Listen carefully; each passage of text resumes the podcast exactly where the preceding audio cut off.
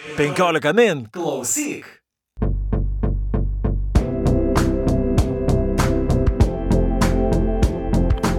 E, Labadiena, 15 min e, klausytojai, skaitytojai, žiūrovai. Ir e, šiandien jau sveikinamės paskutinėje šių metų perskaitimų laidoje. Ir šioje laidoje, kaip visuomet, jos šeimininkai esame mes, aš Audrius Ožalas. Ir aš Juratė Čerškutė. Ir šiandien pakalbėsime apie rašytoją, kuris Lietuvoje galbūt dar nėra labai gerai žinomas, yra žinomas daugiausiai tik tiems, kas domisi e, labiau Latino Amerikos literatūra, tačiau neseniai pasirodė šio rašytojo pirmoji knyga lietuvių kalba, tai Cesar Aira ir jo kūrinys vienas keliaujančio dailininko gyvenimo nutikimas. Ir šią knygą išleido nauja leidikla Rara, o iš ispanų kalbos vertė Aistė Kučinskinė. Ir e, šiandien kartu su mumis būtent ir bus šios knygos vertėja Aistė, ir kuri daugiau papasakos apie šį rašytoją ir apie šią knygą. Taigi, laba diena, Aistė. Labą dieną. E, e, visų pirma, trumpai aš apie rašytoją norėčiau pasakyti, kad nors jis lietuvių skaitytojams ir nėra labai labai gerai žinomas, bet bent jau Argentinoje jis yra įgyjęs tokį netgi kultinį statusą, jisai iš pradžių buvo mėgstamas tik tai siauresnėse sluoksnėse, tačiau pastaruoju metu apie jį kalbama vis garsiau ir kalbama garsiai ne tik tai Argentinoje, kalbama ne tik tai Latino Amerikoje, tačiau kalbama ir tarptautinėme ligmenyje. Ir pirmiausia, jis išgarsėjo, kalbant apie užsienio šalis Ispanijoje, apie jį buvo, buvo pristatytas kaip viena iš geriausiai saugojimų Argentinos literatūros paslapčių. Vėliau jis pakankamai jo, bal, bal, jo vardas skambiai nuskambėjo Meksikoje, na, o dabar jau kalbama, kaip jau ir sakiau, ir visame pasaulyje knygos verčiamos į anglų kalbą ir, ir kitas kalbas, dabar matome išėjo ir jo kūrinys lietuvių kalba ir šis rašytojas be kita ko garsėja ir itin dideliu produktivumu ir aš įvairiuose šaltiniuose radau įvairius skaičius, kiek jis yra išleidęs knygų, virš 120, tai jau tikrai. Ir jis per metus irgi skaičiuojama, kad parašo po dvi, keturias, gal kartais penkias knygas, žodžiu, Tai yra rašytojas, kurį New York Times netgi apibūdino viename iš straipsnių kaip rašytojo, kurio neįmanoma sustabdyti, nes jis pabaigė vieną knygą ir iš karto griebėsi kitos. Ir, tai, žodžiu, rašytojas, apie kurio kūrybą galima kalbėti labai daug. Ir jo kūriniai beje yra nedidelės pimties, na tai aišku yra susijęs su tuo, kaip jis rašo savo tas knygas, apie tai mes irgi turbūt šiandien pakalbėsime. Bet galbūt reikėtų pradėti nuo šios knygos vienas keliaujančio dailininko gyvenimo nutikimas ir man atrodo, Juratė yra parengusi patį pirmąjį klausimą vertėjai apie šią knygą. Taip, aš turiu parengus, tik prieš tai e, norėjau replikuoti ir tu jau labai gerai papildėjai, kad iš tikrųjų tas e, toksai skambus pasakymas, kad pas Aira yra parašęs 120 knygų, nors jis viename interviu yra sakęs, kad aš tikrai, jeigu nuoširdžiai, tikrai nežinau, kiek aš esu parašęs. Ir jis tiesiog rašo kiekvieną dieną po puslapį ir juokaudamas vienam interviu sakė, kad na tai taip ir išeina, kad per metus aš turiu 300-400 puslapių, kadangi jo knygos atrastas formatas yra apytiksliai šimtas puslapių viena knyga, tai užtat taip ir susideda tas toks didžiulis e, knygų srautas, nes jeigu kas pagalvos, kad Aira yra kaip Roberto Bolanijo ir parašė 120 knygų maždaug tokios apimties kaip 2666, tai tikrai taip nėra.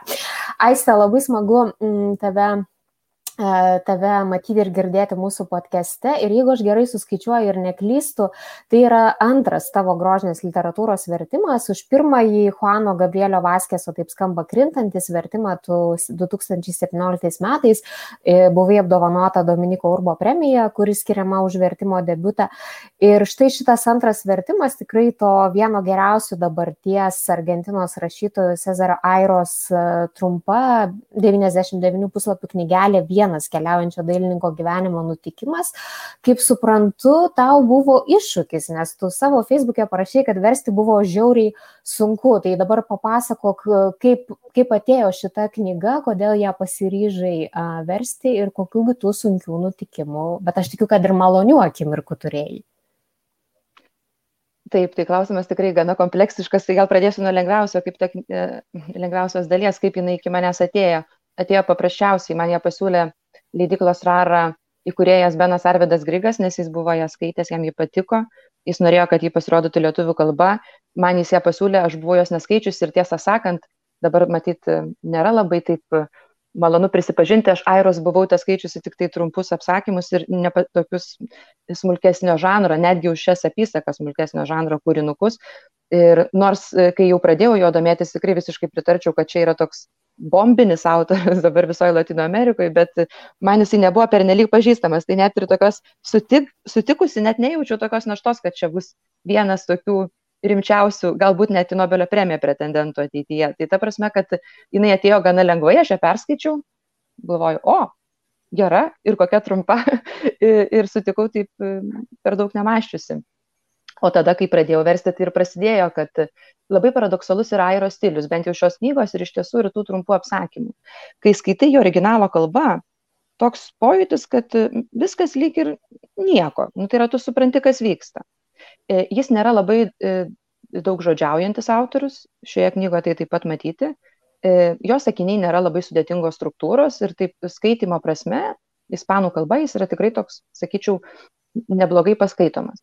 Bet kai nori pereiti į kitą kalbą, šiuo atveju lietuvių, tas beje matyti ir angliškame vertime, nors lietuvių manau, kad labiau, darosi labai sunku dėl to, kad Aira vartoja savo kūriniuose, ypač šitame, labai daug abstrakčių savokų ir žodžių, o perinant į lietuvių kalbą, reikia tiesiog kitaip neįmanoma, reikia konkretizuoti, nes mūsų kalba yra daug kon konkretesnė negu ispanų. Ir tada reikia rinktis vieną iš kokių penkių reikšmių ir tada tu paklysti, aš paklystu. Ir, ir, ir dėl to man, man toks didelis iššūkis buvo atrinkti, kaip, ypač leksika, kaip perteikti tai, ką tu lyg ir skaitydama supranti, bet bet lietuviškai reikia vis tiek parinkti vieną iš kokių dviejų arba trijų galimų reikšmių. Tai aš pasitelkiau savo kolegas ispanistus iš universiteto, kankinau juos ir man e, vienintelis toks džiugus buvo, nu kaip džiugus, pikdžiugiškas e, momentas, kad ir gimtakalbiai daug ko nesuprasdavo. Tiksliau negalėdavo man pasakyti, kurią, kurią reikšmę aktualizuoti. Jo sako, aš suprantu šitą sakinį, bet negaliu to pasakyti, ką jis reiškia. Tai va, tai čia toks, nu tikrai, man atrodo, tai buvo pats didžiausias iššūkis e, e, pagauti Airos e, abstrakčią kalbą ir išversti ją į konkretesnę kalbą. O kiek tada laiko tu užtrukai, nes šiaip atrodo knygutė tikrai nėra didelio formato ir ta apimtis nedidelė ir toks gali pagalvoti, kad čia atsisėdi porą savaitėlių ir išverti. Pers, turbūt... Perskaitimo tai per, per valandą kokią. Nu, aš Taip, nesutikčiau su tavim. Jis tarsi greitai, bet vis tiek tu įklimpsti į tą, vat, kaip aistė gerai sako, tuos tokius įvairiausius žodžius. Nežinau, man tai kažkaip buvo tokia ilga kelionė per kopas ir tos kalnus. Na, kiekvienas turbūt skaito kitaip. Aš tai, pavyzdžiui, perskaičiau per valandą, bet aš manau, kad šis kūrinys yra vienas iš tų, kuriuos skaitai paskui kelis kartus, nes, na, bent jau man buvo taip, kad aš kai pradėjau skaityti tokį, na, šios knygos pradžią, kuri tokia pusiau enciklopedinio stiliaus, o paskui perini į tą halucinacinį, surrealistinį ir po to bandai uh, suvesti pala pala, o kodėl pradžia buvo būtent tokia ir tada vėl skaitai iš naujo ir bandai suvesti tuos galus. Tai man atrodo vienas airas toks yra stilius, kad, kad, kad tu turi skaityti bent kelis kartus, kad bandytum išgliaudyti, ką jisai norėjo to pasakyti.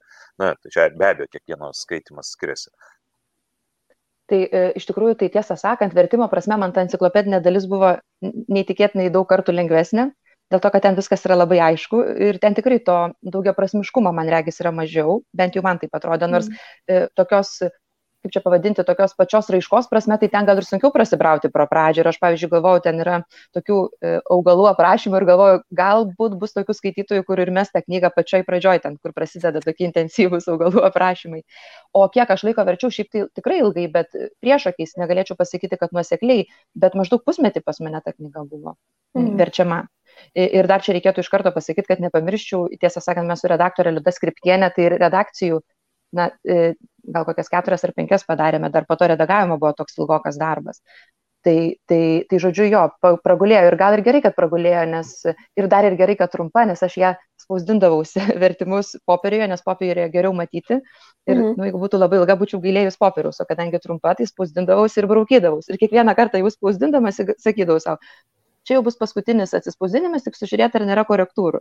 Ir tada vis tiek viskas pribraukyta raudona vėl iš naujo. Tai tikrai ilgas darbas. Ir man regis, dabar taip galvoju, kad veikiausiai nesimato to galutinėme produkte ir taip turbūt gerai, tikiuosi.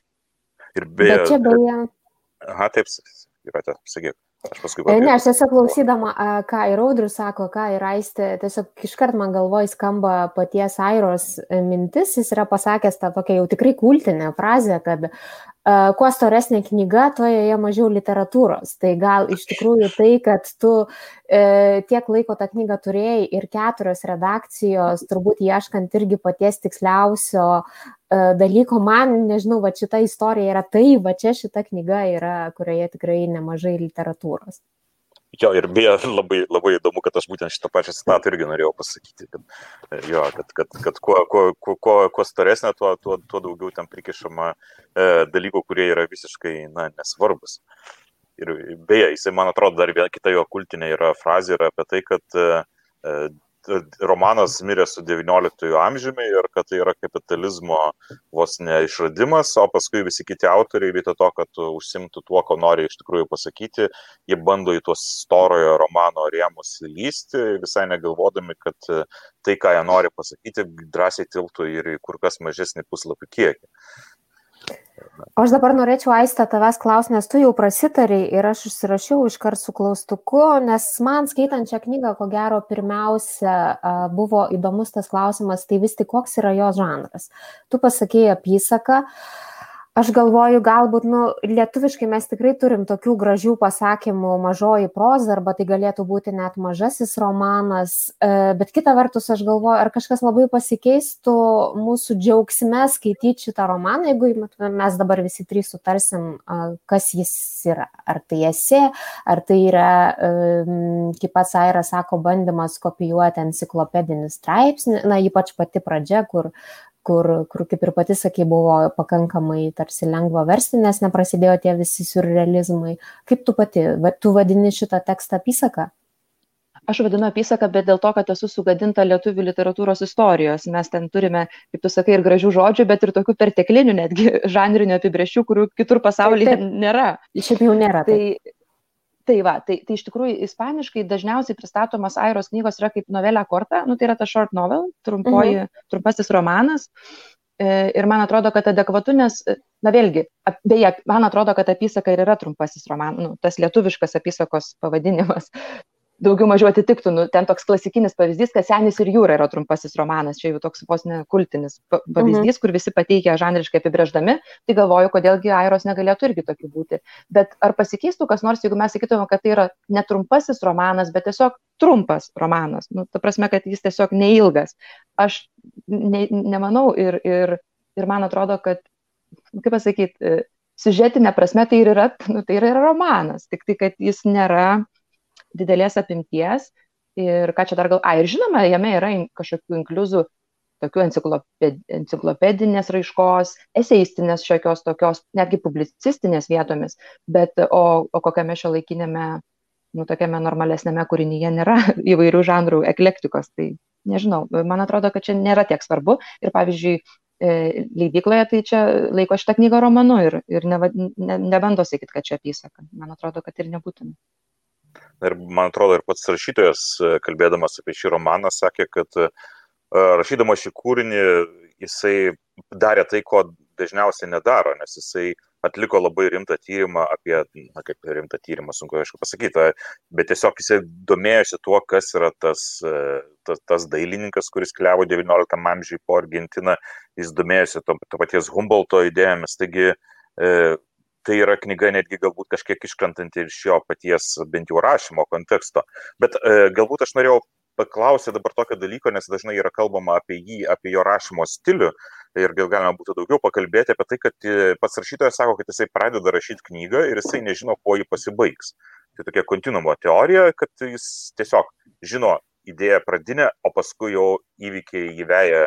Tiesiog pats romanas jį pagauna taip, tas rautas pasakojimo, kad jis na, tiesiog pasiduoda jo tai sroviai, po to padeda tašką, baigėsi ir jisai tiesiog net nebesidomi, tiesą sakant, tą buvusią istoriją, pradeda naują istoriją pasakoti. Tai galbūt galima būtų pakalbėti ir būtent apie tokį pasakojimo stilių, kaip jis atsispindi būtent šio romano skaitime. Aš tai galėčiau kaip vertėja iškart pasakyti, kad tai labai matyti dėl to, kad toje, pavyzdžiui, versijoje, iš kurios verčiau, buvo tokių klaidų, ne, autoriaus klaidų, jeigu tokių gali būti, jo paties romane. Nu, bet tokio ligmens galiu pateikti tiesiog pavyzdį. sakykime, protagonisto sesuo yra vadinama vienur vienu vardu, kitur kitu tai aš kaip nuosaiki vertėja ir išverčiu tais dviem vardais. Tada kažkaip sako, pala, redaktorė sako, pala, pala, čia kažkas negerai. Sako, žiūrėk, angliškam vertime yra visur tas pats vardas. Mm. E, ir tada buvo kreiptas į Airos agentą ir sako, ai taip, čia sako, Aira pamiršo, pamiršo vardą rašydamas, taip netyčia kitą ten. Luizė jinai yra, o vienoje vietoje ar net dviejose figuruoja kaip džiulė. Ir tokių keletą kartų man buvo įtarimų, bet aš jau, mes jau agentą nebesikreipėme, kad e, truputėlį ne visai sutampa lyg datos, ten mėnesiai truputį prasilenkia. Tai toks toks pojūtis, kad tai yra vieno prisėdimo toks, na, kad užra, užrašytas pernelyg nesigilinant net į tokius faktologinius e, dalykus, tai man atrodo, kad e, na, bent jau man tai buvo justi. Ir, o kita, bet kita vertus, tas, kaip, kaip buvo sakyta, tas autoriaus, nežinau, įsigilinimas į reikalą, na, į Humboldto, pavyzdžiui, naturalistinės teorijas, tuo pačiu ir to pagrindinio veikėjo Rugendo e, biografinę situaciją, kiek aš bandžiau, tiesą sakant, aš tuos sąmoningai domėjausi nemažai, nes man norėjosi suprasti, verčiant, na, kas, ten, kas ten vyksta, kad, kad kur nors ten nepadaryčiau didelės esminės klaidos. Tai kiek skaičiau, tai, tai va ten kažkokių didelių arba jokių klaidų ar neiškumų, na, ta prasme, nu jų nėra. Todėl toks pojūtis, kad jis rašytas, nu ir kas, kad vienu prisėdimu, bet į patį reikalą, tą jau teorinę bazę, nežinau kaip tai geriau pavadinti, ir istorinę, tai, tai tikrai Aira yra įsiskaitęs ir netgi galvoju, gal e, ta, ja, tam, taip, kiek dabar jau jį pažįstu, e, šioje knygoje pasakojimo dailininko istorija gal tam tikrą prasme kažkaip jam leido reflektuoti savo paties požiūrį į meną. Na, tą tokį, nes tas menininkas knygoje, tas dailininkas, jis irgi bando žiūrėti pasaulį kaip į tą tokį kontinuumą, visumą, bando žiūrėti tą visumą kaip tokią, kuri gali kažką atskleisti. Ne, nežinau, čia gal jau per daug interpretuoju, bet, bet jo, tai kad Aira rašo e, truputį nesklandžiai arba, na, žodžiu, per nelik neredaguoja, tai buvo man kaip vertėjai matyti. Bet tu, Aiste, labai tiksliai sakai, visai neinterpretuoji dėl to, kad aš perskaičiu šitą knygą uh, kažkaip pradėjau ieškoti žodinių e, interviu ir aš supratau, kad Aira iš tų rašytojų, kuris nelabai mėgsta duoti interviu, bet buvo keletas video, jei ispaniškai, bet su angliškais titrais internete.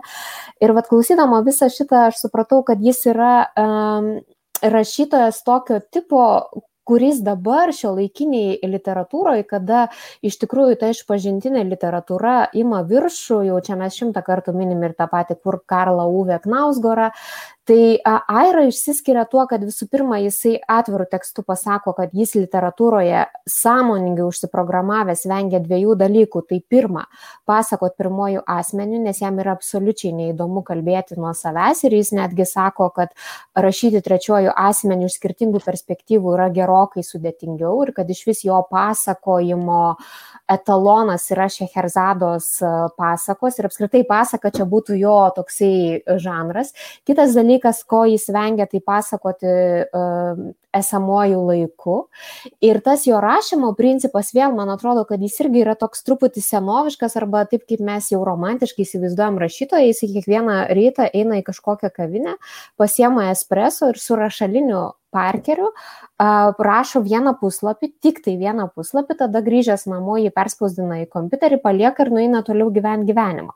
Tai galbūt, žinai, čia toks yra paradoksalus dalykas. Viena vertus atrodo, kad tarsi impulsyviai yra rašoma, E, bet kita vertus jisai rašo kažkokiais fragmentais kiekvieną dieną ir dar, na, galima sakyti, kad jis yra labai arogantiškas, bet jis ne vienam interviu yra pabrėžęs, kad taip, aš esu rašytojas iš pašaukimo, man tas yra duota ir aš esu vienas iš retų rašytojų, kuriam tiesiog patinka rašyti, nes aš tai darau kiekvieną dieną ir tada, aišku, jis kaip prieš priešą išsitraukia tuos rašytojus, kurie yra dabar bestselleriniai autoriai, kurie parašo ten, nežinau, 400 puslapių romanus, susikaupia kartą per dešimtmetį, juos jau ten prispaudžia deadline ir leidyklos, jie parašo, bet šiaip iš principo jie nekenčia rašyti, nu, arba nu, mes visi žinom, kad rašyti yra sunku, tai Aira sako, taip, man tas patinka. Ir kita vertus, kas man labai kažkaip kėlė žavesi, kad būtent vadys yra tas rašytojas, ką aš galbūt irgi vadinčiau iš pašaukimo, kada jis turi pirmą sakinį ir jis nuo pir, ir pirmas sakinys jį neša.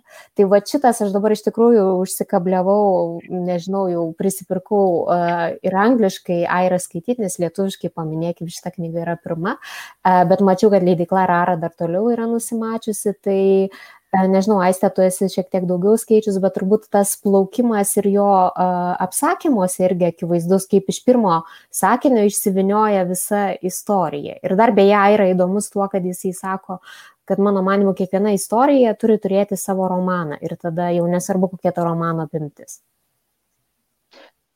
Um, žinok, nežinau kaip pasakyti, ar išplaukia ar neišplaukia, aš tiesą sakant, to net nesvarščiau. Jeigu tai jūs skaitytojams, tai turbūt ir tai šiaip kritiko yra tai rašoma. Aš, kad būčiau tą pajutus, nepasakyčiau, nes tekstą ėmiau skaityti iš karto žinodama, kad turbūt jį versiu ir kažkaip visai kitus dalykus kreipiu dėmesį. Mm. Ir tiesą sakant, kadangi aš jį taip skaičiau, aš iki pat paskutinės minutės jau, na, jau išėjus knygai nebuvau tikra, jis kam nors iš viso patiks, nes galvoju, man jisai patiko, iš pradžių taip visai vidutiniškai, po to vis gilin ir labin, nors aš su juo turėjau tokį meilės nepykantos tą santykį, nes ir, ir piktindavo, bet, mm. bet kažkaip net nemoku pasakyti, kažkur išsijungia mano skonis, e, beverčiant.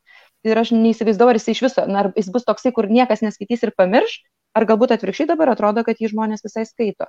Tai, tai tas plaukimas, na, bet nežinau, nesu tikra, aš jo neidentifikavau, bet turbūt dėl to, kad kitomis akimis skaičiau. Bet dar tiesiog pridurčiau, kad irgi aš panašiai e, pradėjau domėtis Aira versdama romaną daugiau ir vis kars nuo karto, ką nors jau taip bandau apie jį paskaityti jo. Ir irgi tas, kad apie tą senoviškumą, kaip tu sakai, sen, senoviški genetiniai ritualai, tie rašymo ritualai, mm. tai jisai dažnai mėgsta sakyti, kad jo, va, tas XIX amžiaus, pavyzdžiui, prancūzai realistai, tai yra literatūros viršūnė ir jis tai galėtų rašyti kaip Balzakas, tai rašytų, bet jam neišeina.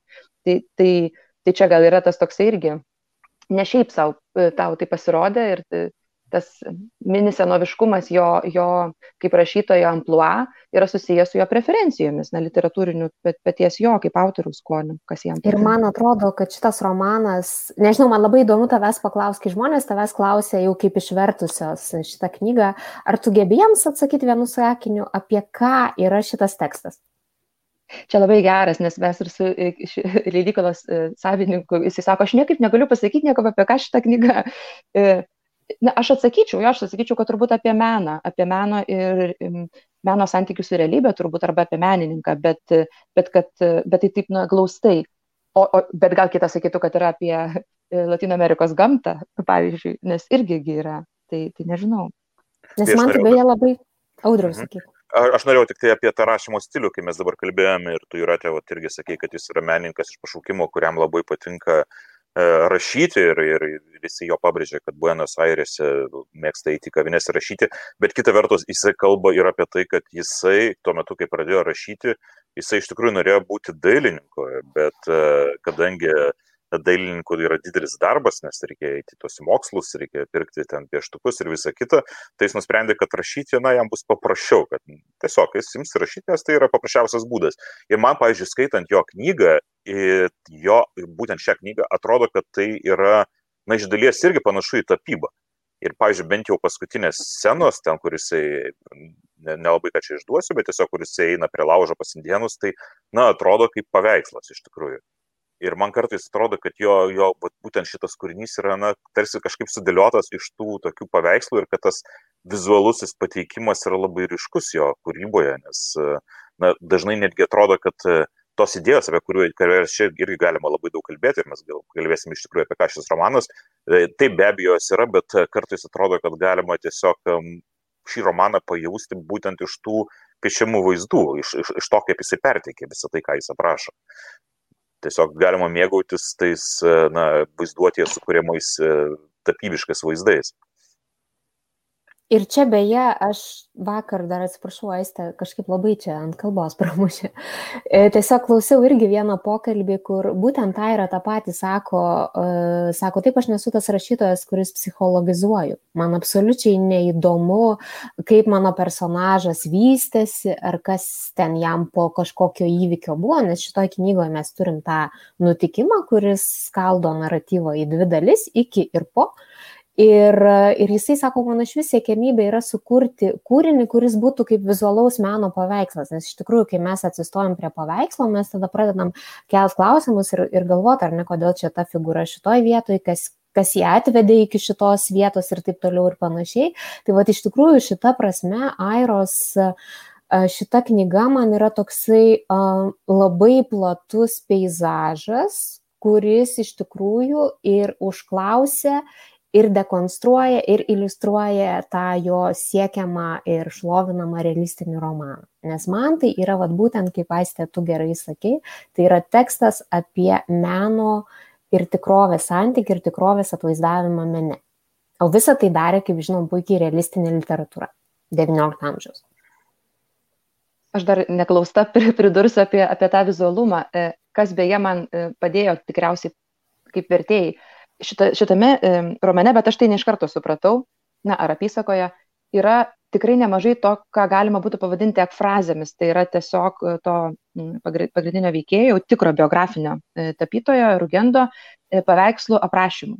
Ir kai man tą pavyko suprasti kaž, kažkurio, kažkurioje vietoje, tenais bes, beskaitant ir beverčiant, aš tiesiog pradėjau kiek įmanoma daugiau ieškoti, kad prisižiūrėčiau Rugendo paveikslų.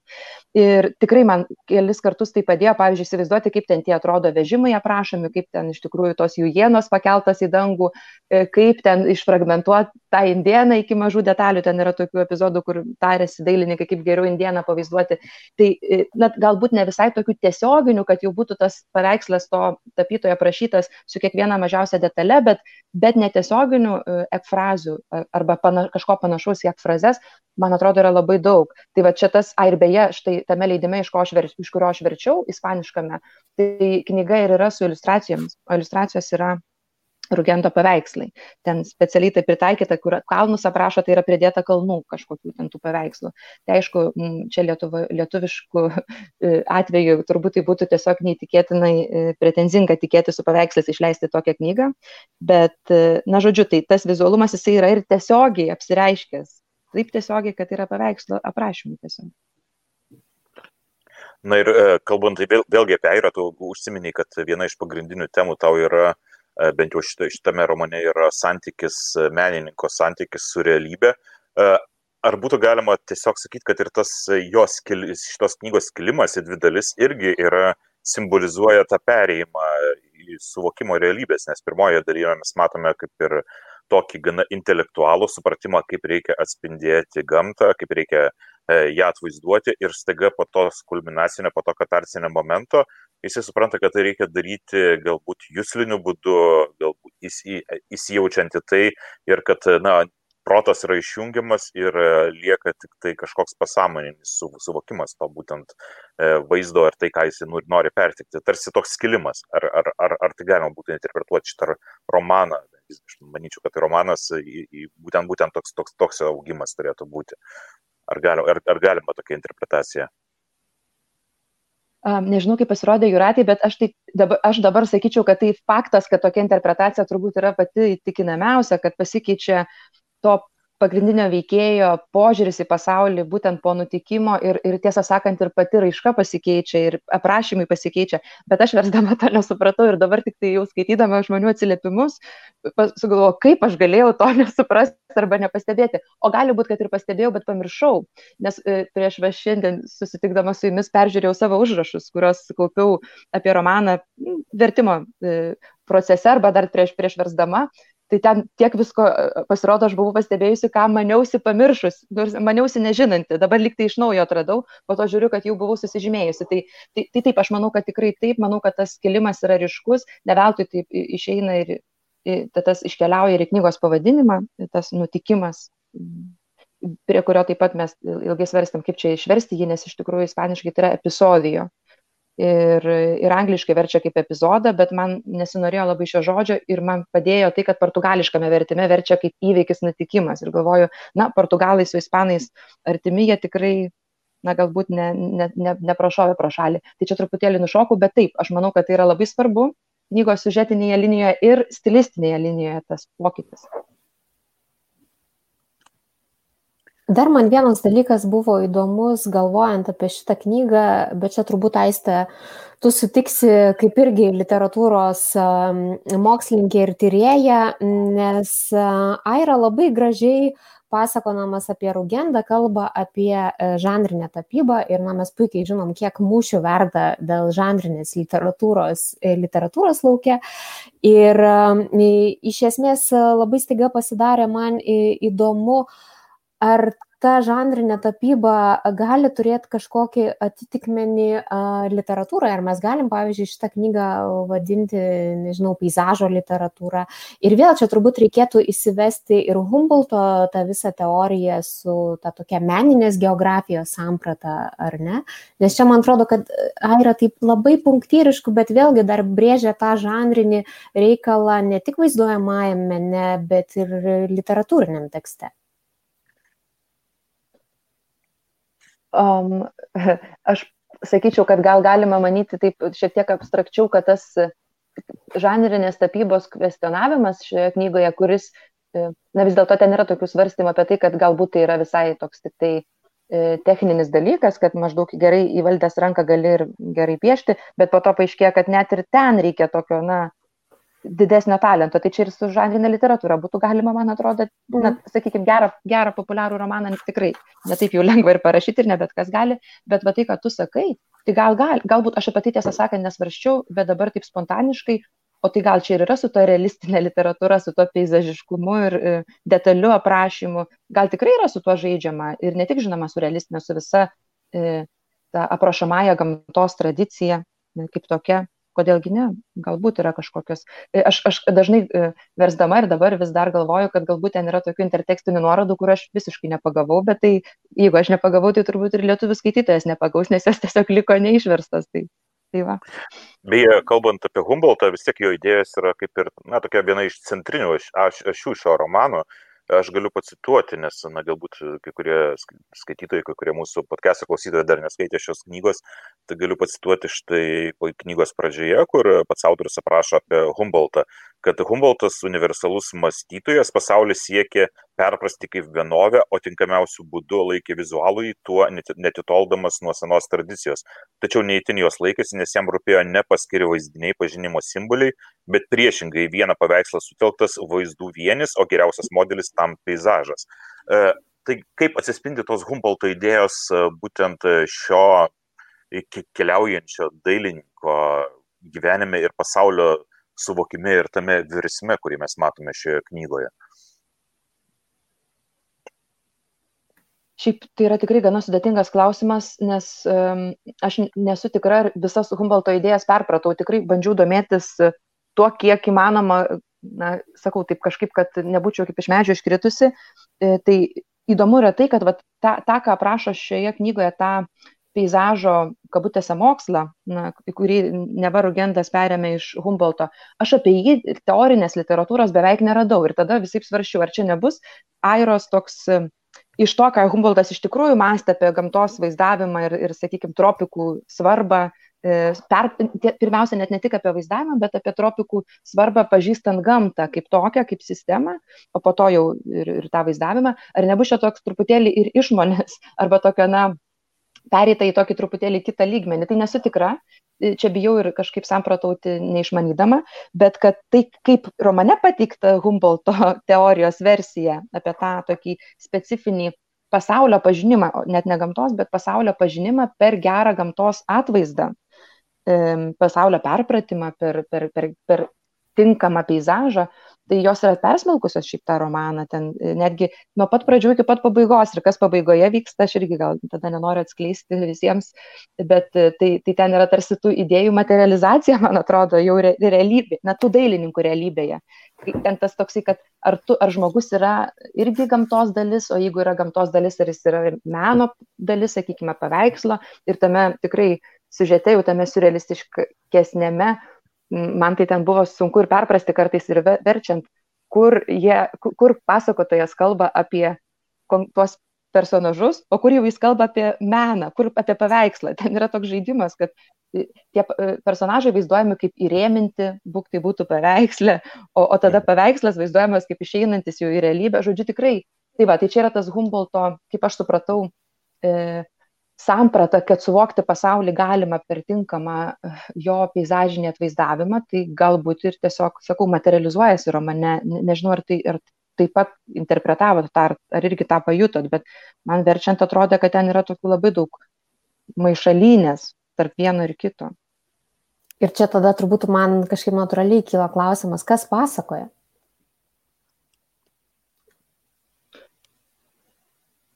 Tai pasakotojas yra trečias mes pasakotojas, bet, na, ta fokusuotė, nu, kaip perspektyva, tai žinoma, yra perteikiama Rugendo. Bet ten labai įdomi yra viena vieta, pasakome apie tą jo bičiulį Krauzę, nes yra du pagrindiniai veikėjai. Jie mhm. lygiavertiškai dalyvauja veiksme beveik visame. Tai pasakoja, kad maždaug, kad Rugendas pasitelkė Krauzę kaip norė, bijodamas perteikti savo mintis per drąsas, jisai kalba ne va tai krauzės lūpomis. Tai čia toks irgi galbūt yra žaidimas, kad tas trečias mes pasakotojas, jisai kalba iš tikrųjų tam tikrą prasme tų personažų lūpomis. Ir man atrodo, kad kartais ta fokusuotė priartėja, nu, tas perspektyva priartėja prie krauzės, prie to kito veikėjo ir ten ir jo netiesioginių minčių mes galime kažkaip jausti. Bent jau man tai atrodė. Nežinau, kaip, kaip skaitytojų iš šalies irgi pasirodė. Beje, tas dar, dar grįžtant prie tam tikrų simbolinių virsmo prasmių, e, vėlgi tas pats katarsinis momentas, e, po kurio tas dailininkas yra subjaurojamas. Ir e, ką, ką, ką, ką tavo nuomonė autorius irgi norėjo tuo parodyti, nes na, pati tokia primityviausia, pati paprasčiausia prasme lyg ir būtų ta, kad na, po to katarsinio momento dailininkas par, tampa bjaurus, tampa sužalotas ir visa kita, tačiau būtent po to jisai gali pamatyti e, pasaulio grožį. Kad būtent jam visas pasaulis su savo visomis spalvomis, su savo grožiu atsiskleidžia tada, kai jis pats būna subiurotas. Tai tokia tarsi priešprieša - grožis, bjaurumas. Tokia labai, labai, labai akivaizdi priešprieša. Ir aš, aš vėlgi nežinau, ar aš tiksliai pagalvojau, ką rašytojas norėjo to parodyti, tačiau bent jau man susišvietė, kad būtent tokios yra paralelės. Nežinau, kaip to pačiai pritariu ir dar pridurčiau, kad gal, ir čia man atrodo jau ne mano pačios mintis, o be, be neišsiskaičiau kažkuriame straipsnėje, kad e, tai yra ir susijęs su gana dažnai kvestionuomi šiame romane civilizacijos versus e, necivilizacijos tokia prieš prieš arba tos kultūros versus nekultūrizuoto dar gyvenimo. Na ir indienai čia labai geras pavyzdys iš tikrųjų yra. Jo, bet, bet ir tas, kad tu, kai esi visas ponas dailininkas, ten maždaug gražiai pasidabinės, tai tu vienaip mastai ir vienaip žiūri į pasaulį. O kai tampi jau tokiu truputėlį atskalūnų arba net visuomenės atstumtų, nors visuomenė bando apsimesti, kad visai, visai gali tą tavo bjaurų veidą žiūrėti, bet iš tikrųjų tai jiem per baisu yra, tu tampi tokiu lik iš dalies ir laukiniu arba nuo tos civilizacijos tolsti ir va tada sugebi ją įsilieti, ta prasme, tą necivilizuotą pasaulį, kuris tą dailininką domina, e, ta laukinė gamta e, ir, ir indienai, tai tada jis nu, kažkokiu būdu priartėja prie jų prie jų suvokimo tokio, na, na tokio truputėlį ne, nekultu, nekultūringo, nežinau kaip čia pavadinti, nekultūrizuoto. Tai dar ir tas, man atrodo, yra svarbu, kad e, jis pakinta vizualiai, bet tam tikrą prasme pakinta ir jo statusas visuomenėje. Ir man dėja dar vienas įdomus klausimas buvo, aš nežinau, čia turbūt mes irgi nerasim atsakymo, bet romano veiksmas vyksta XIX amžiaus pradžioje, na, toje pirmoje pusėje, ar net ant sako, Rugendų yra 35. Ir aš galvoju, kiek šitas pasakojimas ir tie visi paveikslai, jie vis dar atitinka arba atitiko tų laikų europiečių mitus ir tuos įsivaizdavimus, nes tikrai Pietų Amerika buvo kažkur toli ir čia, kaip prašoma, vyko ir tikrai ekspedicijos. Ir vataistė tu labai gerai sakai, nes vakarai buvo labai aišku, kas yra vakarai, tai buvo Europa, o visa kita, tai buvo čia va, civilizacijos lopšys, ar ne, o visi kiti dalykai atrodė tokie nepažįstami pažinus ir man vėlgi, man atrodo, kad Aira irgi kažkaip labai subtiliai žaidžia tais visais mitais. Jis ir tarsi parodo, kaip vaizduojama, bet antroji dalis, būtent jau po nutikimo, yra tarsi toks truputį tų mitų kažkoks paneigimas. Kaip manytumėt? Na, man tai sunku atsakyti dėl XIX amžiaus traktuotės, nes nežinau, kokia jinai buvo. Ir čia iš to dabar, ką mes kalbam, jūs tik, kad tikrai paliečia tai nemažai tų temų šitą knygą ir net ir nu, aš ją skaičiau, oi, nesuskaičiuojama kiekį kartų, abiem kalbom jau dabar, tai ir vis tiek kažkaip daug ko nesuprantu arba nesupratau. Bet kas yra įdomu, tik pridurčiau, čia tokia dar šalutinė minti prie tavo jūratę pasakymo, kad e, skaičiau, jog yra net ne viena tokia interpretacija, kad Aira šią knygą, ir beje, jis yra parašęs vieną gana panašią, kurios aš dėja neskaičiau, bet e, vadinasi, jinai Belaisvė Ema ar Ema Belaisvė, nežinau kaip gražiau, bet tai buvo pirmoji jo knyga tokia apie Argentinos indienus. Mhm. Tai, tai, tai ta prasme, kad jisai pasitelkdamas kalnus, indienus ir taip toliau, e, truputėlį kažkaip parodijuoja ar, ar truputėlį prikišamai rodo, kad e, žiūrėkit, visi Argentina taip maždaug ir įsivaizduoja, bet iš tikrųjų jinai ne tik tokia yra, tai jisai su šio laikiniais stereotipai žaidžia, ne tik su tais XIX mm. amžiaus. Bent jau taip yra e, na, viena iš interpretacijų. Jo. Ir beje, mes labai čia rimtai kalbame apie tas interpretacijas, apie, apie giluminės prasmes, intertekstus, bet na, reikia, man atrodo, pabrėžti, kad Aira rašo ir gana sąmojingai. Jo, jo stilius yra žaismingas na, ir aš noriu na, pasakyti tiems klausytojams, kurie įsivaizduoja, kad čia gaus tokį mažos apimties, bet labai sunkia svorį kūrinį, tai na, nėra visiškai taip, nes man, man šis kūrinys pasirodė gana toks na, pašėlusios vaizduotės ir pakankamai daug žaismės joje. Na ir pas, pas rašytojas bėjęs apie savo kūrybą sako, kad jisai, e, apie, na, jau Juratė, man atrodo, sakė, kad, kad jisai mėgina apibūdinti savo kūrybą kaip pasakas. Ir yra iš, iš tikrųjų tos tokio pasakos elemento ir, ir tokio nenuspėjamumo, kuris, kuris palieka tokio labai na, didelio skaitimo, džiaugsmo ir malonumo. Aš dar noriu grįžti truputėlį, kalbėjomės apie surrealizmą, bet užkabinti dar vieną uh, E, vieną savoką, be kurios mes niekaip neapseinam kalbėdami apie Latino Amerikos literatūrą, nors čia aišku yra labai platus tas pasakymas, šiuo atveju mes turėtume turbūt konkrečiau kalbėti apie Argentinos literatūrą. Taip pat Saira yra sakęs, kad jam jo kūriniai yra hiperrealistiški, tai yra jam labai svarbu, kad siužetas, veiksmo vieta, pati pradžia absoliučiai atitiktų tikrovę, iš esmės būtų visiškas toks tikrovės peizažinis paveikslas ir tada į visą tą įsiveržė surrealizmas. Tai šitas kelias yra labai akivaizdus ir šitoj e, mūsų knygoje vienas keliaujančio dailininko gyvenimo nutikimas ir aš tada pradėjau galvoti, uh, tas magiškas žodis, kuris naudojamas kalbant apie Latino Amerikos literatūrą, tai aišku, pirmiausia yra magiškas realizmas, bet turbūt kalbėdami apie Airą mes negalim kalbėti apie magišką realizmą, nors aišku, jisai pats pripažįsta, kad būdamas Argentinos rašytojas, jisai negali išvengti Jorges Luiso Borgeso. Ir to viso jo palikimo, kuris irgi, taip man atrodo, balansuojant surrealizmo, magiško realizmo ribos, ar aistė tu versdama kažkaip kėdenai ir galvoji apie šitas tokias savokas didingas? E, negalvojau, bet e, dabar galiu pagalvoti trumpai ir pritarčiau tau. Man tai atrodo, kad nėra magiško realizmo airoje, nors vėlgi, žiūrint, kurią magiško realizmo apibrieštimi mes remsimės. Jeigu ta istorinė nu, nes mano galva, ta istorinis magiškasis realizmas tai yra politinis, netgi toks politizuotas reiškinys ir labai svarbu, kad tai yra kūriniai, kurie kažką simbolizuoja daugiau negu patys save, na, ten simboliai labai svarbus ir, ir gal kritika tokia socialinė, politinė. Tai šita prasme aš manau, kad airijoje jo visiškai nėra.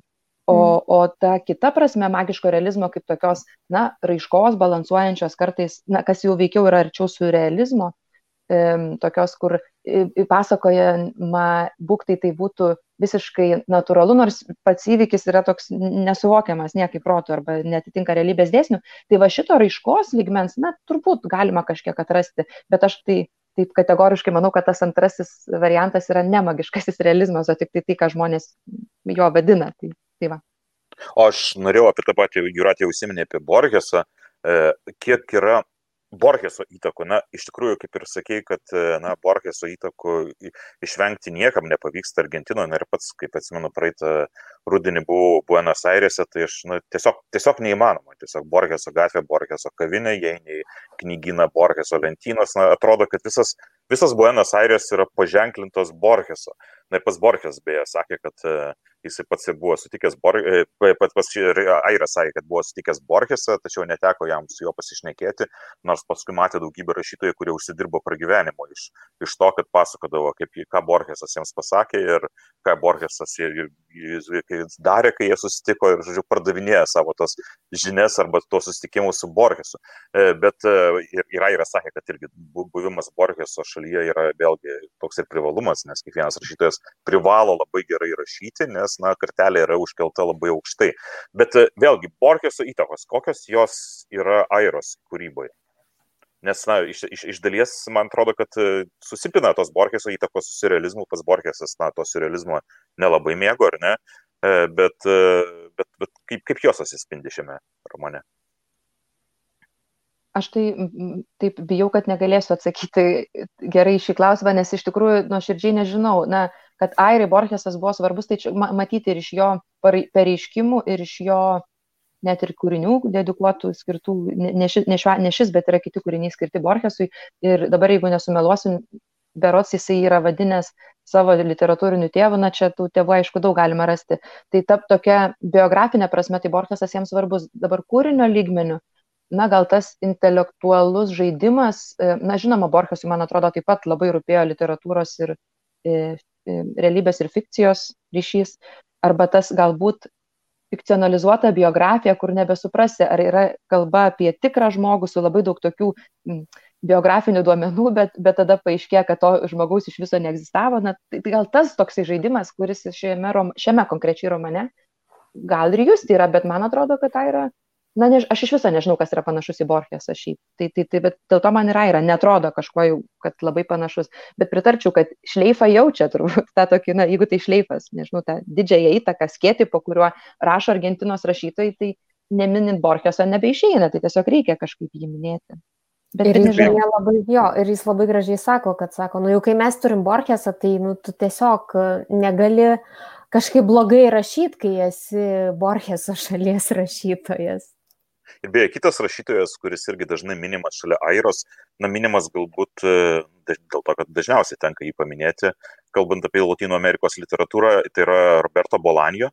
Ir pats Roberto Bolanio apibūdino Airą kaip vieną iš geriausių rašytojų kilusių iš Latino Amerikos. Tiesa, pats Aira kažkuriame interviu skaičiau, sakė, kad jisai net nežino, ar skaitė kažką iš Bolanio, jeigu ir skaitė, tai jam nepatinka tai, ką Bolanio rašo, nepaisant to, kad Bolanio ir šiai knygai, beje, angliškam vertimui, man atrodo, yra parašęs įžangą. E, taip, taip. Bet, bet, bet kažkokių, man atrodo, panašumų galima kažkokių toli, nu, kažkokių tai galima surasti, nes Balanio lygiai taip pat irgi žaidžia tikrais personažais, tikrais poetais, rašytojais, įpina į savo veiksmą, kuriame irgi na nebeaišku, kur fikcija, kur ne fikcija ir tas toks žaidimas tarp e, gyvenimas yra literatūra, literatūra yra gyvenimas ir visą tai susipina į kažkokį tokį labai sunkiai išpinamą mazgą. Tai galbūt iš tolo gal ir galima būtų kažkokias paralelės vesti, ar, ar, ar, ar čia jos būtų labai jau priperšamos iš tikrųjų.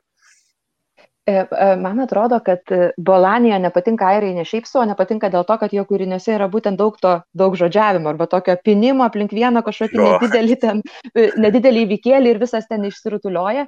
Ir man atrodo, kad yra esminis skirtumas, bent jau iš to, ką aš apie, nu, iš Bolanijoje esu skaičiusi, kad visgi tie fikcijos ir realybės ryšiai yra per tau paties Balanio autobiografinę fikciją labai daug per, perfiltruojami. O Airos atveju jis renkasi sužetus, kurie na, nėra su jo personalija kažkaip susiję. Na, na vėlgi, šiuo atveju galbūt susiję per tiek, kad tai yra Argentina, jo gim, gimto, gimtoji šalis, bet na, vis tiek yra daug labai tokio dis, distancijos labai didelės tarp, tarp paties autoriaus ir, ir jo personažų. Tai viena. O kita, čia dabar man šovė mintis, kai apie Borgesą kalbėjome, tai tik tai trumpai pasakysiu, kad tas, kad na, visi argentiniečiai, na ne visi, bet dalis argentiniečių rašytojų nori kažkokį tai reveransą Borgesui parodyti. Tai kadangi Balanijo dabar iš, išėjo iš kalbos, tai, tai Balanijo, man atrodo, jau yra toks rašytojas Čilėje, e, kur, kuriam jau dabar kiti reveransą, tarsi, jau Balanijo yra mhm. Borgeso labiau statuso, nes dabar kaip tik verčiu kitą knygą, čiliečio, čiliečio tokia Alejandro Sambra, e, ir ta knyga vadinasi Čilės poetas, tai ten, žinoma, labai daug apskritai tokių literatūrinių intertekstų. Na ir ten tikrai akivaizdžiai yra e, sakoma ačiū Bolanijo kaip mokytojai. tai va, tai tas, na nežinau, čia tik šiaip tokia atėjo į galvą, kad e, Borgesas yra toks tėvas argentiniečiams, na, čiliečiai turi daug tėvų, bet tokį šviežiausią tėvuką tai turi Bolanį. O šiaip beje, dar aistė, aš norėjau tavęs klausti, nes tu vis tiek dėstai ir ispanų kalbą, kalbą universitete ir su studentais verti ispanišką literatūrą. Argentinos literatūros išverstos lietuviškai, tai turbūt mes turim tik tai Borgesą ir aišku Julio Cortazarą. Nu, tai yra tie du tokie e, žinomiausi vardai. Aš dar čia bandžiau kažkaip prieš mūsų laidą uh, pasigūglinti kažką, tai nelabai radau, nu taip galbūt yra versta periodikoje, buvo sovietmečių ten Latino Amerikos, man atrodo, literatūros apsakymų rinktinė, bet Aira, man atrodo, yra toks trečias ryškus vardas, ne? Aiste, kaip yra? Ne, yra Samantha Šveblin. Ai, teisingai, teisingai. Ir dar kažkas yra. Bet mhm. Samantha Šveblin yra tokia visiškai genijus šių, šių dienų, bet jeigu taip žiūrėtume, tarkim, kokį 50 mhm. metų. Tai iš vyresnių. Žinok, bijau aš dabar kažką sumeluoti, nes e, nors ir dėstu ispanų kalbą, bet Latino Amerikos literatūros nie per kur nedėstu, aš esu jos tik tai vartotoja. Tai, mm. tai, tai čia bijau ir kažką sumeluoti. Man atrodo, kad daugiau yra buvę ir va toj knygelį, kur Latino Amerikos novelės, tai ten tikrai yra daugiau argentiniečių. Tai, tai ir, ir dabar, man atrodo, yra ir, ir be, dar be šveblin dar kažkas, dar kažkas turėtų būti. Bet taip, na, na, na tai iš viso, iš visų Latino Amerikos šalių yra kokie du, trys autoriai taip labiau paverčiami. Na, ten ir Kolumbijos keli, ir Čilės keli, bet kad taip ten jau visą srautą literatūros jau gautumėm, tai, tai aš nepasakyčiau. Beje, kalbant apie tuos pačius e, garsius e, rašytojus, tai e, Aira Karlas Afuentes vadino vienu iš geriausių rašytojų, bent jau, bent jau jam pačiam ir Karlas Afuente vėliau vėlgi irgi nusilenkė Airai ir viename iš savo romanų netgi parašė, paminėjo, kad tokia fikcija, kad 2020 metais Aira pelno Nobelio literatūros premiją, kaip jau žinome, to neįvyko, na, bet šita buvo tokia kaip ir duoklė Airai, na, ką gali žinot, gal anksčiau ir vėliau Aira gaus šitą Nobelio literatūros premiją.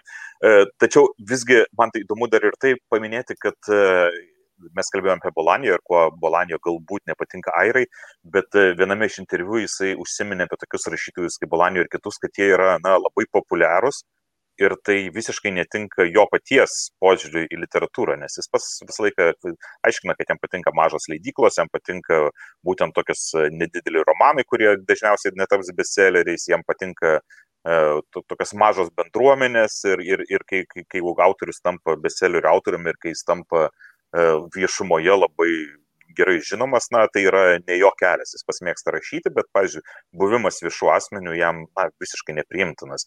Ja, ir jis pats išrašymo pradėjo gyventi, man atrodo, gana vėlai, 51 metų sulaukęs, tai ta jam pasaulinė šlovė atėjo pakankamai vėlai.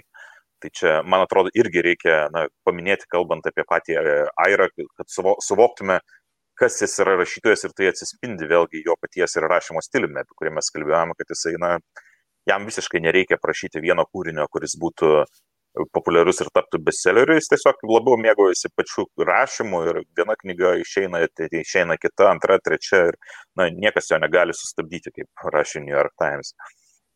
Ir jisai turbūt mėgaujasi pačiu istorijos pasakojimu. Aš dabar radau turbūt New Yorkeris Review of Books uh, frazę, kad, na, iš esmės beveik visos Aira uh, noriu sakyti novelės, beveik visi Airos šitie trumpieji romanai, pirmiausia yra apie storytellingą savaime. Nu, nežinau, kaip mes čia gražiai tą storytelling istorijos pasakojimas, ar ne, ar kaip čia jį gražiai išversim, bet man atrodo ir šitas trumpas tekstas, šitas trumpas Airos kūrinys irgi yra apie tai, kaip pasakoti. Ir kitą klausimą, Aistė, aš norėjau tau užduoti apie epistoliariką. Tu e, tyrinėjai Juozo Tumo Vaižganto laiškus ir, ir parašy ir monografiją apie tai ir išleidai Vaižganto laiškų tomą su Jurgita Žana Raškevičiūtė. Ir čia yra toks mažas, mažas punktyrėlis, kur pasakotojas a, rekonstruoja a, Rugendo gyvenimą po to nutikimo, kad jisai labai, žodžiu, palaikė plačią epistoliariką a, su, su šeimos nariais, su draugais, kad, žodžiu, ištisai tuos rašydavo laiškus. Ir man čia toks, žinai, hipotetinis, gal turbūt ir a, neatsakomas tas yra klausimas, a, bet vėlgi, kiek galima a, pasitikėti autoriaus a, tikrumu ir tuo vaizdu, kurį jis kuria laiškose. Nes pasakotojas mums išduoda, kad vienose laiškose apie tą keistą nutikimą Rugendas pasakoja vienaip, kitiems korespondencijos dalyviams pasakoja kitaip. Ir aš šiaip iš tikrųjų net pradėjau į apskritai, nežinau, čia tokį dar iš šono pasakysiu, aš važiavau googlint ir ieškoti, ar iš tikrųjų Rugendui kažkokio panašaus lygio nutikimas keliaujant po Argentiną buvo nutikęs ar ne. Tai va čia tas sufikcinimas e, biografijos ir vėlgi kiek ta epistolerika gali būti patikima arba ne. Tai aš pirmą sureaguosiu į tą, ar iš tikrųjų nutikęs nutikimas, aš tai kaip pamišusi ieškojau, ar jam iš tikrųjų nutiko tam biografiniam tapytojui ar ne. Ir kiek mano paieškos tai buvo vaisingos, tai kad nelabai. Ten kažkokiam straipsnį radau, kad jau kur apie šitą romaną ten rašo, sako, kad, na, ten kažkuris galva atsitrenkė. Nu, ta prasme, kad čia jau yra sufikcintas tas visas mm. jo, tas, na, nelaimingas atsitikimas. O apie laiškus, tai vėlgi, aš manau, kad šitoje knygoje tas ir yra atskleidžiama, ką tu sakai. E, kad nors laiškai yra traktuojami dažniausiai kaip dokumentika, ir va, jeigu jau paskaičiau laiškus, tai ten radau biografinių detalių, e, tai čia ir kaip tik tai, nors beje pats Aira, kaip suprantu, iš tikrųjų ir skaitė Rugendo laiškus, nes jų iš tikrųjų labai daug yra likę, tai matyti iš čia jis ir gavo tą visą e, biografinę duombazę, iš kurios galėjo konstruoti romaną. Jisai tą labai, taip, e, na, man atrodo, visai, nu, taip gražiai parodo tą, kad kaip tu sakai, prašo vieniems e, apie save pašvelnindamas, kitiems atvirkščiai išdidindamas. Ir tada, ir tada vienose laiškose lyg tai atrodo, kad jie ten pasiekė, ten, tas, ten jau tas pampų gilumas, kitose laiškose atrodo, kad jie ten net nebuvo. Tai čia turbūt irgi yra to žaidimo dalis, kur kaip pagauti tą percepciją, kokia ta realybės percepcija gali būti, kai mes turime tik tai tarpininkų šiuo atveju tekstą, bet e, dažnai mes taip naiviai manome, kad tai yra realu, bet vis dėlto ten yra labai daug fikcijos galimybės, nu tokios arba fantazijos labai daug gali būti. Ir beje, Samantha Šveblin kažkada duodama interviu pasakojo, kalbėdama apie Argentinos rašytojus, sakė, kad e, visi Argentinos rašytojai, kaip ir didžioji dalis Latino Amerikos rašytojų apskritai, jie negali pabėgti nuo politikos, nuo ekonomikos, nuo socialinių problemų tačiau skaitant Airą, na, atrodo, kad jis yra vienas iš tų, kuries, e, kurie to išvengia. Ir bent jau jisai pats irgi viename iš šitų interviu sakė, kad aš niekada nekalbu apie politiką ir niekada nekalbu apie futbolą, taigi aš esu netoks jau argentinietiškas rašytojas. Nors jisai pats tiesiog dalyvavo tose politinėse įvykiuose ir labai taip irgi su humoru aprašo vieną įvykį, kai jis dar buvo jaunas ir kai dalyvavo tose kažkokiuose tai protestuose ir kai pamatė, kuo visą tai virsta, virsta jisai suprato, nu gerai, viskas, aš supratau, kad reikia man eiti namo ir skaityti prustą, vietoj to, kad čia dalyvauti, tačiau nepavyko ir jį sulaikė ir jisai buvo dar įkalintas irgi, kaip ir didžioji dalis e, to, to laiko rašytojų. Tačiau nuo to laiko jisai sakė, kad jisai suprato, kad na, politika yra kad galime per politiką kažką pakeisti yra tik iliuzija ir jis stengiasi į tai nesikišti. Tai ar galima jo kūriniuose, bent jau kiek tu skaitėjai, išvelgti tų kažkokių paralelių arba to paties magiškojo realizmo užfiksuotų tų politikos e, atspalvių, kurie yra nuslėpiami romanuose, ar nelabai? Aš tai ne, net pažinau, bet e, nebejotinai gali būti. Kaip ir sakiau, aš esu beveik tikra, kad yra tokių intertekstų, kur man tiesiog jie yra ne, nepažinus ir man jie liko ir liko nepažinus. Bet čia pasinaudosiu progą, labai norėjau pasakyti vieną dalyką, kuris man labai patiko šitame tekste, nors galbūt tai nuskambės kaip keistas patikimas. Man labai patiko, kad šitame tekste nėra meilės istorijos, bent jau meilės žmogus žmogus, nes, nu, ta prasme, meilė menas žmogus ar žmogus menas gal ir yra, bet, na, arba tokia draugystė, bet vis dėlto ta tokia meilė vyras moteris ar, ar nu, tokia romantinė meilė. Jos nu, visiškai nėra ir man tai atrodo, kad tai yra labai svarbu, nes iš tikrųjų, nu, tikrai didžioji daly romano vienaip ar kitaip ten koks nors, ypač kai menininkas, tai pamišęs menininkas ten dėl vienos ar kitos kokios nors mūzos, o čia ir to visai nėra. Ir... nėra. Va, ir man tas labai patiko, nežinau, kaip jums pasirodė tas meilės istorijos bet, nebuvimas, bet... Bet tai gal čia yra susijęs su tuo, jo jau anksčiau mūsų apkalbėtų dalykų, kad jam tie personažai, kaip jisai pats sako, jam nėra labai įdomus, jam tas psichologinis personažo virsmai nėra labai svarbus. Ir kaip jisai pats sakė, kad tas pats personažas, jis turi atitikti tam tikrą istorijos, tam tikrą vaidmenį istorijai, kuris nori papasakoti galbūt ir tai susiję, nes, na, jam galbūt visai neįdomu, kaip rašytojas įsimylė, kaip jisai, kokie ten jo santykiai ir visa kita, jam turi atitikti tam tikrą tiesiog, va, štai jisai užima šitą vietą, aš noriu atskleisti šitą idėją per šitą pasakotą, tą meilės istoriją, nu, ką jinai duotų. Neduotų gal nieko šitą istoriją. Bet aistė, čia tavo yra tiesiog kapitali pastaba, iš tikrųjų žiūrint į kontekstualiai ir tai, kiek mes jau čia sluoksnių pakrapstėm šito romano. Iš esmės, būtent tai yra dar kartą kaip kažkokia, nežinau, parafrazė ar pergrojimas to XIX amžiaus realistinio romano, kada buvo tveriamasi to vadinamojo įkvėpimo būtent iš gamtos, nu, ta prasme, apskritai iš pasaulio stebėjimo, čia šiuo atveju yra e, peizažus tapantis dailininkas, bet būtent nėra to tik vėliau, arba tiksliau prieš buvusio to o, romantizmo, kad būtinai poetą turi įkvėpti mūzą, ar kad būtinai ten turi laukti kažkokio įkvėpimo, nors antroji daly tos kažkokios įkvėpimo, aistros, bet tik ją, ačiū Dievui, suteikė ne jokia moteris, yra jau kai romano pabaiga herojus kaip pakvaišęs ten puola eskizuoti vykstančius didingus dalykus, tai ko jis iš esmės labai laukia visą pirmą romano dalį. Tai e, yra, bet vėlgi man čia sakau, nežinau, gal, gal, galite jūs su manim nesutikti, bet man vėlgi atrodo, kad, nu, visas šis tekstas yra toks ir savotiškai parabolinis pasakojimas ir peržaidimas to, kas yra realistinis menas, kas yra realistinė literatūra ir iš esmės, na, koks tas santykis su tikrove turi, neturi, gali būti. Ir jo, ir va tai, kad nėra romantinės meilės, tai čia labai, labai, labai geras tavo pastebėjimas.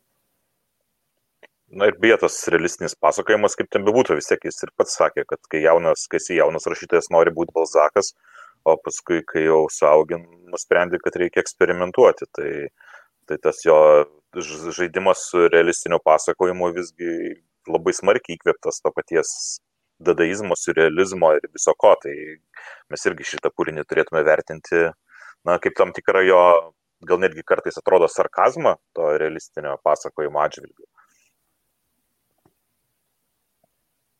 Ir jisai beje turbūt labai prieštaravo būti vadinamas avangardistu. Ar jūs užfiksavot šitą?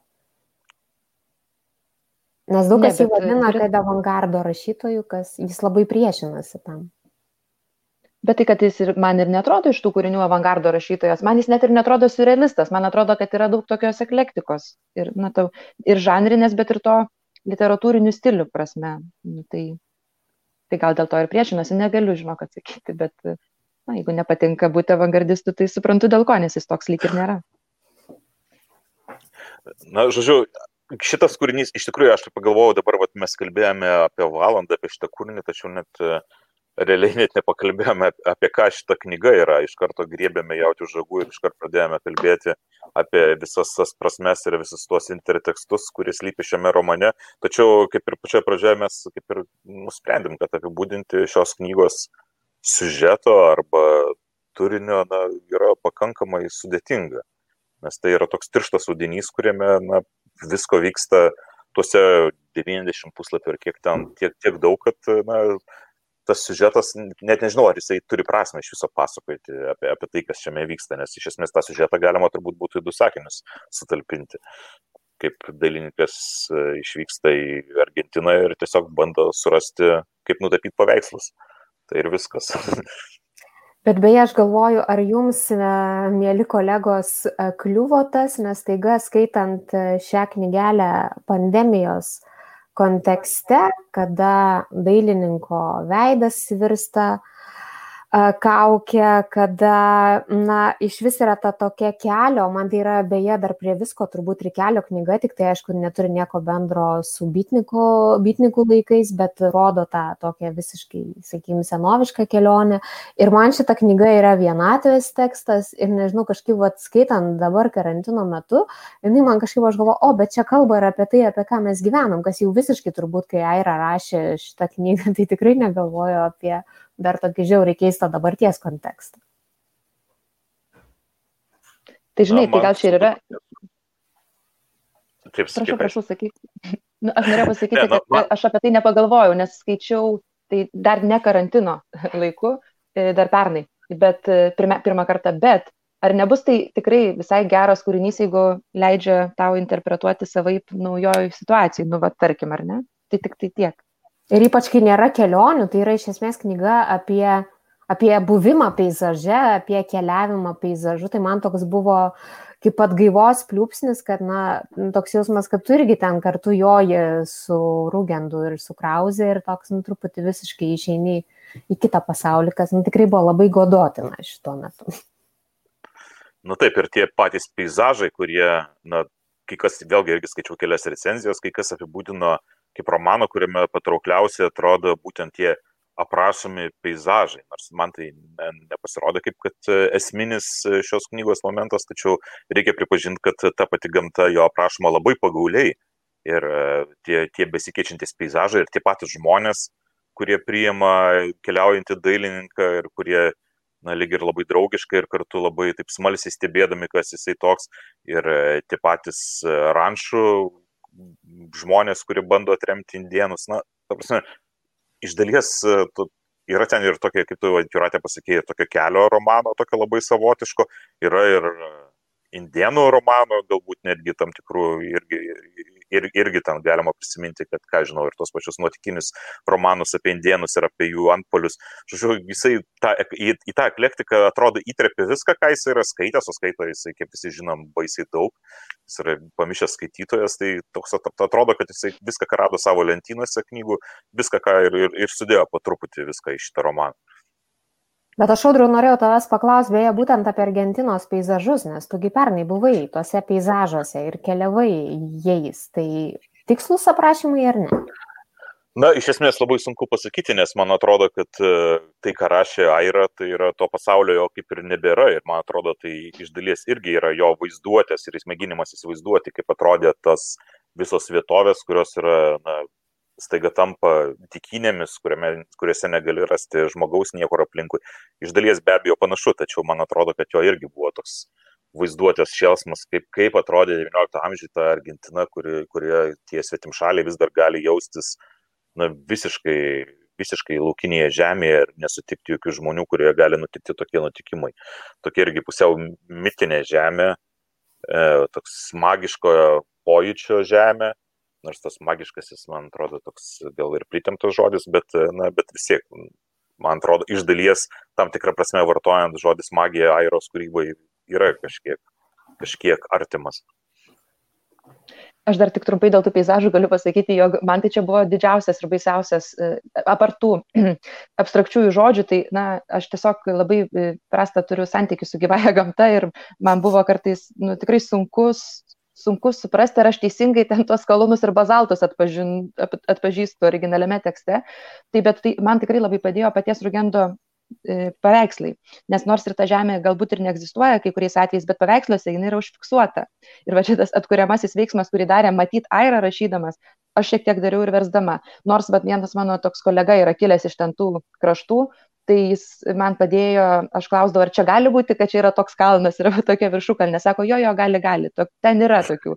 Tai, tai, tai, tai vadinasi, kad, na, žodžiu, ta gamta, jinai, jinai aprašyta bent jau anot to mano kolegos, taip, kad ją gali argentinietis atpažinti pats ten pabuvojęs ar ten, ar ten gimęs, sakykime.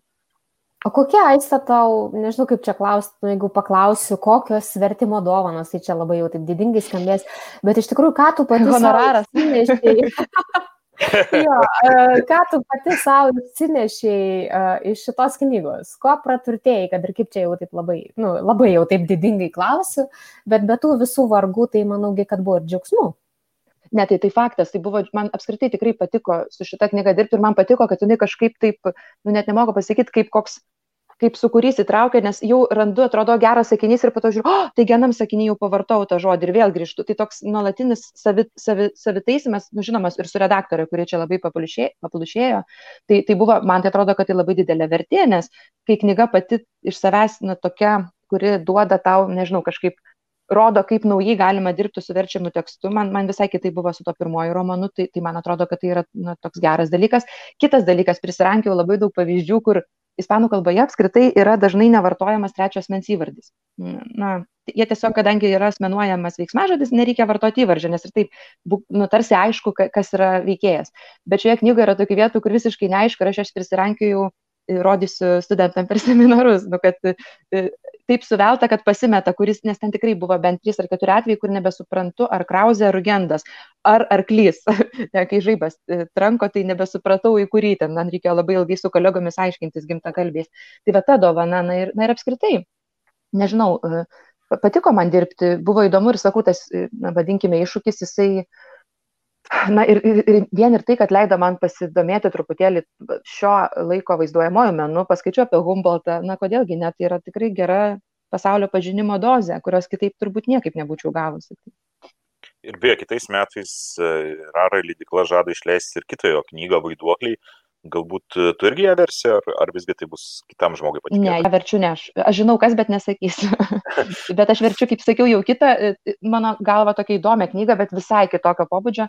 Tai Alejandro Sambaros Čilės poeta, kuri taip pat turėtų, kitai, Čilės poetas, kuri taip pat turėtų kitais metais išeiti. Bet beje, šita uh, Airos uh, knyga Vaiduokliai labai dažnai lyginama, tiksliau apie ją labai dažnai kalbama greta šito nutikimo. Ir man atrodo, net Britai yra išsileidę jo tris romanus vienoje vietoje, tai ten yra ir šitas mūsų šiandien apdainuotas nutikimas, ir man atrodo yra vaiduokliai ir dar kažkokia viena knyga. Nes šiaip būtų įdomu, aš gaila nepaskaičiavau, koks procentas yra Airos kūrybos išversta į anglų kalbą, nes jis ten, jeigu prirašė 120 romanų, tai gal kokių 10-20 ir yra, ar aistas skaičiavai. E, taip, aš neskaičiavau tiksliai, bet beje, e, čia gal svarbu paminėti, kad bent, žodžiu, šitą, šitą romaną į anglų kalbą vertė Krisas Andriu, e, kuris taip pat išvertė dar apie 10 ar 14 Airos romanų ir jisai yra pirmasis Bolanijo vertėjas į anglų kalbą ir Bolanijo yra irgi apie 10 tekstų išvertęs. Tai ir, ir tas Krisas Andriu, kiek aš žiūrėjau jo, beje, jis man labai padėjo, aš žiūrėjau į anglišką vertimą, ne visada su juo sutikau, bet, na, žodžiu, netiesiogiai bendravau, tai, tai jisai tik tai du šitus autorius ir verčia. Ta prasme, tik tai Aira ir tik tai Bolanijo į anglų kalbą. Ir gali būti, kad Airos dar kažkas kitas yra išvertęs, aš jau tiek nebeieškojau, bet keliolika mažiausiai tai tikrai yra išversta. Kažkur mačiau skaičių, kur buvo paminėta 12, bet e, galbūt nuo to laiko dar buvo išversta. Tai na, bent, jau, bent, jau, bent jau tie, kurie perskaitys šitą knygą ir perskaitys vaiduoklius, kurie išeis kitais metais, tikrai ir tie, kas skaito anglų kalbą, tai tikrai ras dar ką paskaityti daugiau ir pasidomėti Airos kūrybą. Na ir kągi, šiandien jau mes pakalbėjome apie Cezarą Airą ir vieną keliaujančio dailininko gyvenimo nutikimą, apie šią mažą didelę knygą. Ir man iš tikrųjų labai džiugu, kad šis rašytojas taps dar viena pažintimi su Latino Amerikos literatūra ir pažintimi su šiuo rašytoju, kuris, na, tikrai yra labai dažnai minimas kaip vienas įdomiausių Argentinos šių laikų rašytojų. Ir labai aš tikiuosi, kad skaitytojai nepraleis šitos knygos pro akis knygų lentynose, nes, na, tai iš tikrųjų matote, kad e, kiek galima čia visko atrasti, kiek visokiausių prasmių ir susidaryti savo visiškai galbūt kitokį įspūdį apie šią knygą, negu kad mes čia apkalbėjome. Jo, ir skaitant šitą knygą, aš manau, kad visai pravartu pasinaudoti aistės pasiūlytų metodų lygia greta, patyrinėti Rugendo paveikslus, ar ne? Toks iš vis dar vienas intertekstinis meno sluoksnis atsiras. Na ir kągi, ir tada norėjau tik tai pabaigai padėkoti mūsų šitos, šito podcast'o svečia Aistei Kučinskiniai, kuri ne tik puikiai išvertė šį romaną, bet ir papasakojo daugiau apie tai, ką jį aptiko šioje knygoje ir apie vertimo subtilumus. Na ir turbūt šio metų pabaigai, jeigu dar kažkas visgi ieškote kažkokių knygų dovanoms ir gal bandote dar nusipirkti, galbūt tai bus vienas iš tokių na, pasirinkimų, ką galima nusipirkti ir ką galima perskaityti. Na ir kągi, ir dėkui visiems 15 e, min e, skaitytojams ir klausytojams. Ir e, šį kartą atsisveikiname mes šioje perskaitimo laidoje. Ir kartu su Aiste studijoje šį kartą buvome mes, aš Audris Ožalas. Ir aš Juratė Čerškutė. Iki ir gerų skaitinių.